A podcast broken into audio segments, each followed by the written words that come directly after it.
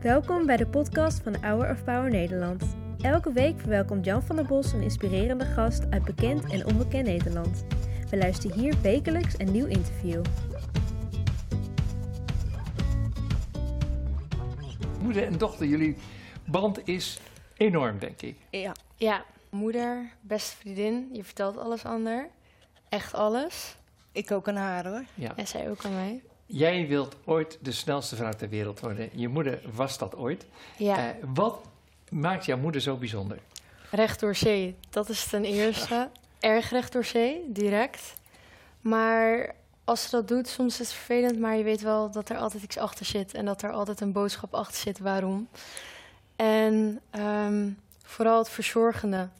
Ook als iemand iets mankeert, ook als het iemand in de straat, iemand is jarig, dan is zij de eerste die bij, voor de deur staat.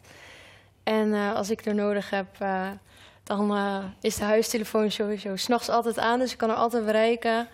En eh, ook al ben ik in Amsterdam, ja, we spreken elkaar elke Nou, geweldig dag. allemaal. Je kunt gewoon een, een programma volpraten met een Ja. lofzang op je moeder. hey, Nelly, Ja. je, je dochter is je trots. Ja. Je enig kind. Ja. Ja. Vertel eens wat jij zo bijzonder vindt aan jouw dochter Ronel. Sowieso is Ronel, ja, vanaf ik zwanger ben bijzonder, omdat ik zelf eh, geen kinderen kon krijgen. En na vijf mislukkingen is zij eh, geboren en ik zeg altijd, zij is een godsgeschenk. En eh, voor mij heel zacht, lief, maar ze heeft ook wel de woorden klaar en zegt van, mam, dat kan niet. U heeft gezegd dat ik dat niet mag, maar u doet het zelf dus. Een tik op de vinger, dat geeft ze ook. Maar ze is ook eh, heel sociaal Ja. naar anderen toe. Wat geweldig. Moeder en dochter die zo hecht met elkaar verbonden zijn door geloof en door de sport. Nelly, we kennen elkaar al zo lang, want ik ga terug naar de Olympische Spelen in Barcelona. Ja. En eh, daar moest jij de 100 meter lopen. En dat deed je in hoeveel seconden? Eh, ik heb de 100, weet ik eigenlijk niet meer, Jan. Ik heb het wel gelopen, maar niet zo goed. Nee, Niet zo goed. vandaar dat ik iets voor jou moest doen.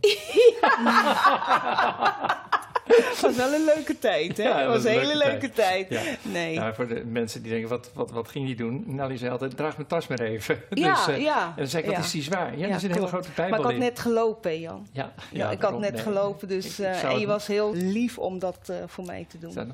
Noem eens even al jouw heldendaden op, want dat is een enorme lijst.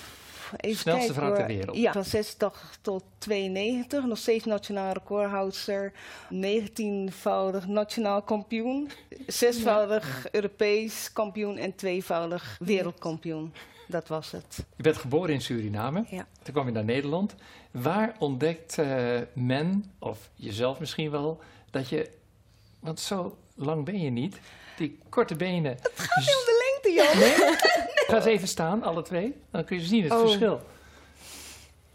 Oh, Ja. Ja, zo. ja, maar Oh, het gaat dus niet, ik dacht hoe langer je been, hoe sneller nee, je nee, bent. Nee, Mijn benen zijn overigens wel lang. 83 centimeter voor 1,57. Dat is best wel lang. is lang, Ja. is lang. ja.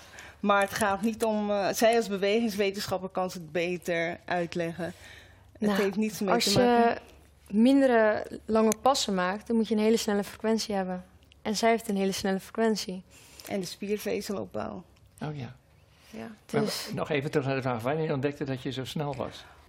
In 1981, tijdens een sportdag in Nederland, 16 jaar, liep ik eh, iedereen eruit. Bijna het nationaal jeugdrecord gelopen. En ik mocht meedoen eh, na drie maanden aan de Europese jeugdkampioenschappen. En zo kom je Aan de, bij de Olympische Spelen terecht. Want Ja, dat is natuurlijk ja, de, kroon ja, voor een ja, atleet, ja. hè? Maar ik vond het helemaal niet leuk, hè, hardlopen. Nee, ik voetbalde. Ik deed teamsport, ijshockey, voetbal. En dan kom je naar atletiek en het is zo saai. Totdat ik Henk Krijnhoff ontmoette. Ja, Ja. de huidige trainer ook Ja. van je dochter. Ja. We zien jullie weer daar alle drie op de foto staan. Nelly, je was een beroemdheid in Nederland. Dat weet je nog best wel een beetje. Eh, maar in 1988, op het hoogtepunt van je roem, wilde je toch een einde aan je leven maken. Waarom? Ja, best wel moeilijk om, om uit te leggen, maar je, je, je hebt alles, maar je hebt eigenlijk niks. Ik bedoel, die medailles heb je. Ik werd overal binnengehaald van dit is Nelly, maar ik had het, niet het gevoel van het geborgenheid, de liefde en wel van, me, van mijn ouders, maar het voelde zo leeg aan. hier van binnen. Je hebt alles, maar je hebt niks. En uh, dan is het het laatste stukje dat je ruzie krijgt met sommige mensen in je omgeving die je denkt vrienden zijn. Dan krijg je ineens een soort waas voor je ogen en dan is het zo van, het knakt iets, het hoeft van mij niet meer. En toen dacht ik, ik, ik, wil gewoon dood. Op dat moment. Echt. Het was echt een hele, hele vervelende, rottige Maar op het eh, moment periode. dat je denkt, ik ga een einde aan mijn leven maken, gebeurde er ook iets wonderlijks. Want Ja. God greep in. Ja, ik kan me nog herinneren van Groningen reed ik. En die weg heb ik heel vaak gereden, omdat ik in Groningen ook reed richting Rotterdam. En ik reed echt hard, hè. Hard. Er waren, en via mijn spiegel zag ik licht. En ik denk van, oh, eindelijk, het is het einde nabij. Ik, ik, ik hoef hier niet meer op die stomme, rottige aarde te zitten. En dan kwamen gewoon, het was geen wit licht, maar het was blauw licht van twee politieagenten. En die zagen tranen in mijn ogen en die herkenden me. Dus ik moest aan de kant gaan staan. En eh, ik was, eh, ik weet niet hoe, hoe, hoe ik eruit zag, weet ik niet meer. Maar heel verdrietig en heel, je weet wel, snikken en huilen. En die zetten me aan de kant. En ehm, die hebben me tot eh, rust bedaard. En ik heb geen bon gekregen. Kijk. Er kwam een soort rust over me heen. En die hebben me eh, via de snelweg ook eh, weggereden. Wel met een beetje sirenelicht erbij. Was ook stoer. dat ik mocht, weg mocht rijden. En toen kwam er rust in me. Maar het heeft wel even geduurd totdat ik tot besef kende je wilde. God in die tijd? Ja, ik heb God altijd gekend. Dat is het mooiste, Jan. Je- hoe moet ik het zeggen? God is een rode draad in mijn leven. Ehm, wanneer je denkt dat je, zoals op dat moment, heel eenzaam bent... en je denkt van waar is mijn God dan? Want dat zeggen heel veel mensen als Ja. ze in de problemen zijn. Waar is mijn God? Hij was er op dat moment. Alleen, ik liet het niet toe dat hij zei van... hier, geef je rechterhand maar en hou me vast, ik ben bij je. Ja, Ja, mooi hoor. ja. Op een gegeven moment eh, verlaat je toch wel een beetje verbitterd de topsport. Dan zeg je ook, want je dochter is inmiddels geboren, wat er ook gebeurt. Mijn dochter zal nooit atletiek bedrijven. Ze mag alles doen. Zwemmen, eh, paardrijden, noem nog eens een paar dingen op. Wat is allemaal voor je Karate. bedacht? Tennis, hockey, Ja. bijna alles. ja. Maar wat verboden wordt, dat? Atletiek. Ja. Tot mijn zestiende, tot mijn zestiende. En toen? Toen zat ik op hockey en dat ging me eigenlijk ook wel heel goed af, voornamelijk omdat ik snel was. En toen ik ongeveer 17, 18 was, ging het toch wel een beetje dagen en we kregen weer contact met de oude trainer Henk Kraaienhof. En dus toen eh, zei ik tegen mama, mama, ik ga naar oma Henk. Ik ga testen of ik hetzelfde talent heb. En moeder zei, oh nee, Nee. Nee, gaan we niet doen. nee, jouw En- kennende. En Ja. toen zaten we daar in Laren met eh, de resultaten van de DNA-test, onder andere. En? Beter dan mama, op papier. op papier. Ja, op papier. Op papier. Echt. echt. Ja, En, hoe eh, jong ben je nu? Ik ben nu 21. Ja. Je bent inmiddels een bekende verschijning op de atletiekbaan. Is je moeder je grote voorbeeld? Dat je zegt, nou, zij heeft alles bereikt. De snelste vrouw ter wereld, de snelste vrouw van Europa, de snelste vrouw van Nederland. Eh, dat ga ik even aan haar laten zien dat ik het ook allemaal kan. Het is raar, want eerst was ze dat wel. Want ik natuurlijk, Olympische Spelen, wereldkampioen. En je begint met atletiek en dat wil je ook doen. Ik sta je op de atletiekbaan en dan is het van... hé, hey, is dochter van Nelly. En op een gegeven moment, mensen gingen ons altijd vergelijken. Ja. En toen had ik met mama een gesprek van... ja, wie is je grote voorbeeld? Toen zei ik, ja, dat bent u eigenlijk. Toen zei ze, nee, jij moet je grote voorbeeld zijn. Zo. Denk over twintig jaar na waar je staat, waar je wilt staan, voor wat je wilt staan. En het, het klinkt apart, maar nu is mijn grote voorbeeld ben ik in de toekomst en in het heden op dit moment. En dat gaat niet in prestaties, maar wat ik zou willen hebben over twintig jaar is gewoon mijn geloof dat het nog sterker is, mijn gezondheid en dat ik oprecht voor mensen klaar kan staan die het op dat moment nodig hebben, zonder, dat, zonder mezelf tekort te doen. En dat kan op de atletiekbaan zijn, dat kan met bewegingswetenschappen zijn, dat kan misschien dat ik ooit geneeskunde ga doen. Dus ik zie het allemaal, maar zolang ik plezier, passie en het geloof heb en vooral haar support, mijn papa support erbij, dan komt het allemaal goed. Zo. Leuk is dat toch? hè? Ja, lief hè. Weet je wat, ik ook, wat mij ontroert en raakt, is de hartelijke warme band. Want er is zoveel mis in Nederland. Zoveel kinderen die uit gebroken gezinnen komen. eh, en dit laat zien, het kan, hè?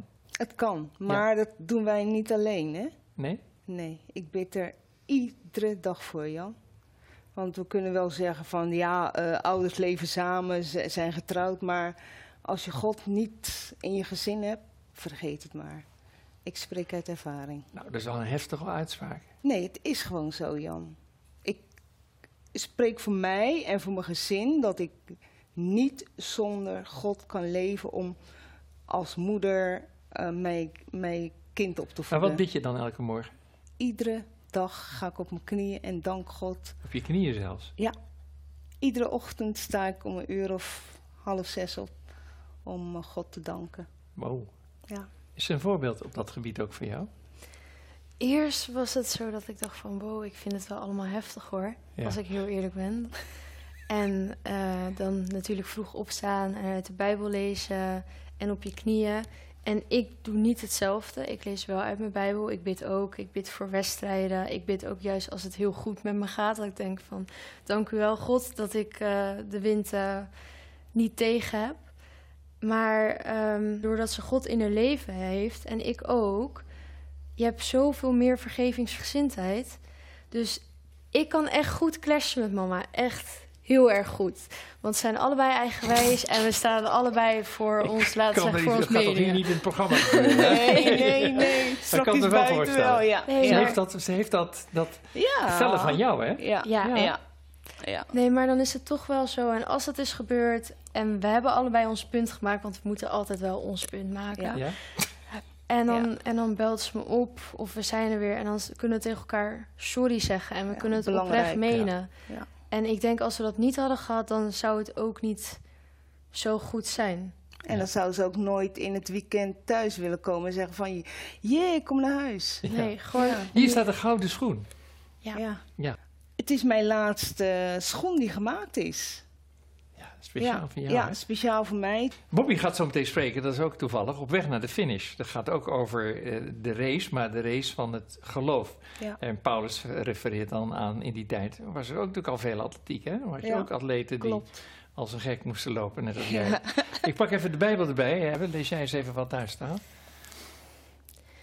Nu zo'n grote menigte ons ziet en aanmoedigt, moeten wij alles afleggen wat hindert en ons bevrijden van de zonde die zich aan ons vastklemt.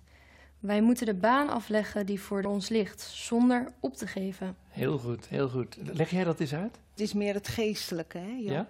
Dit heeft te maken van, ook als we het eh, moeilijk hebben eh, in ons dagelijks leven, zoals ik het toen heb gehad, nou moet je het volhouden. is met het geloof ook zo.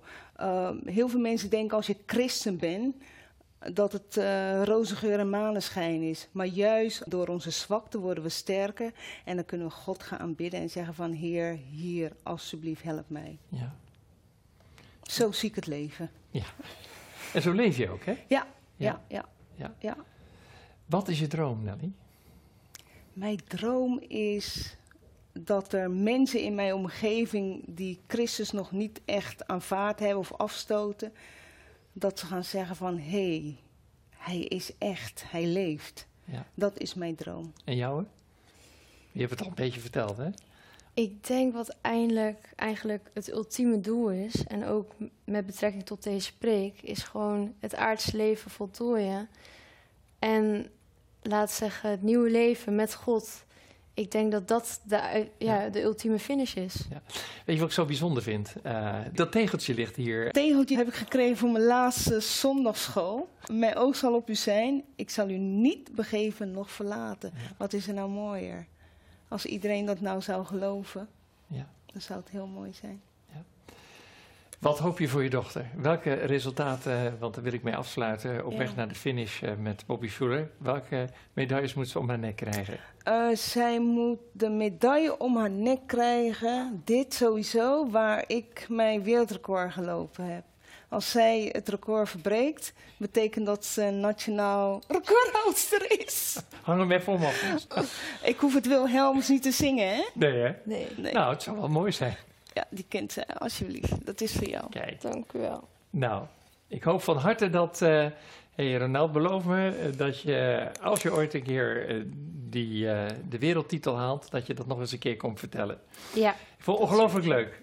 Prachtig stel zijn jullie, moeder en dochter. Ik wil je graag wat meegeven. Eerst voor jou, Ronald. Dit is een heel mooi wandbord. Zeker mooi. Ja. Nelly, ik heb voor jou iedere dag oh, geliefd. 365 mooi. dagen overdenkingen van Bobby over een positief leven. Cherie. Dankjewel. Oké. Super. Bedankt voor het luisteren naar het interview van deze week. We hopen dat dit verhaal jou heeft bemoedigd. Wil je meer weten over Hour of Power of andere interviews bekijken? Ga dan naar www.hourofpower.nl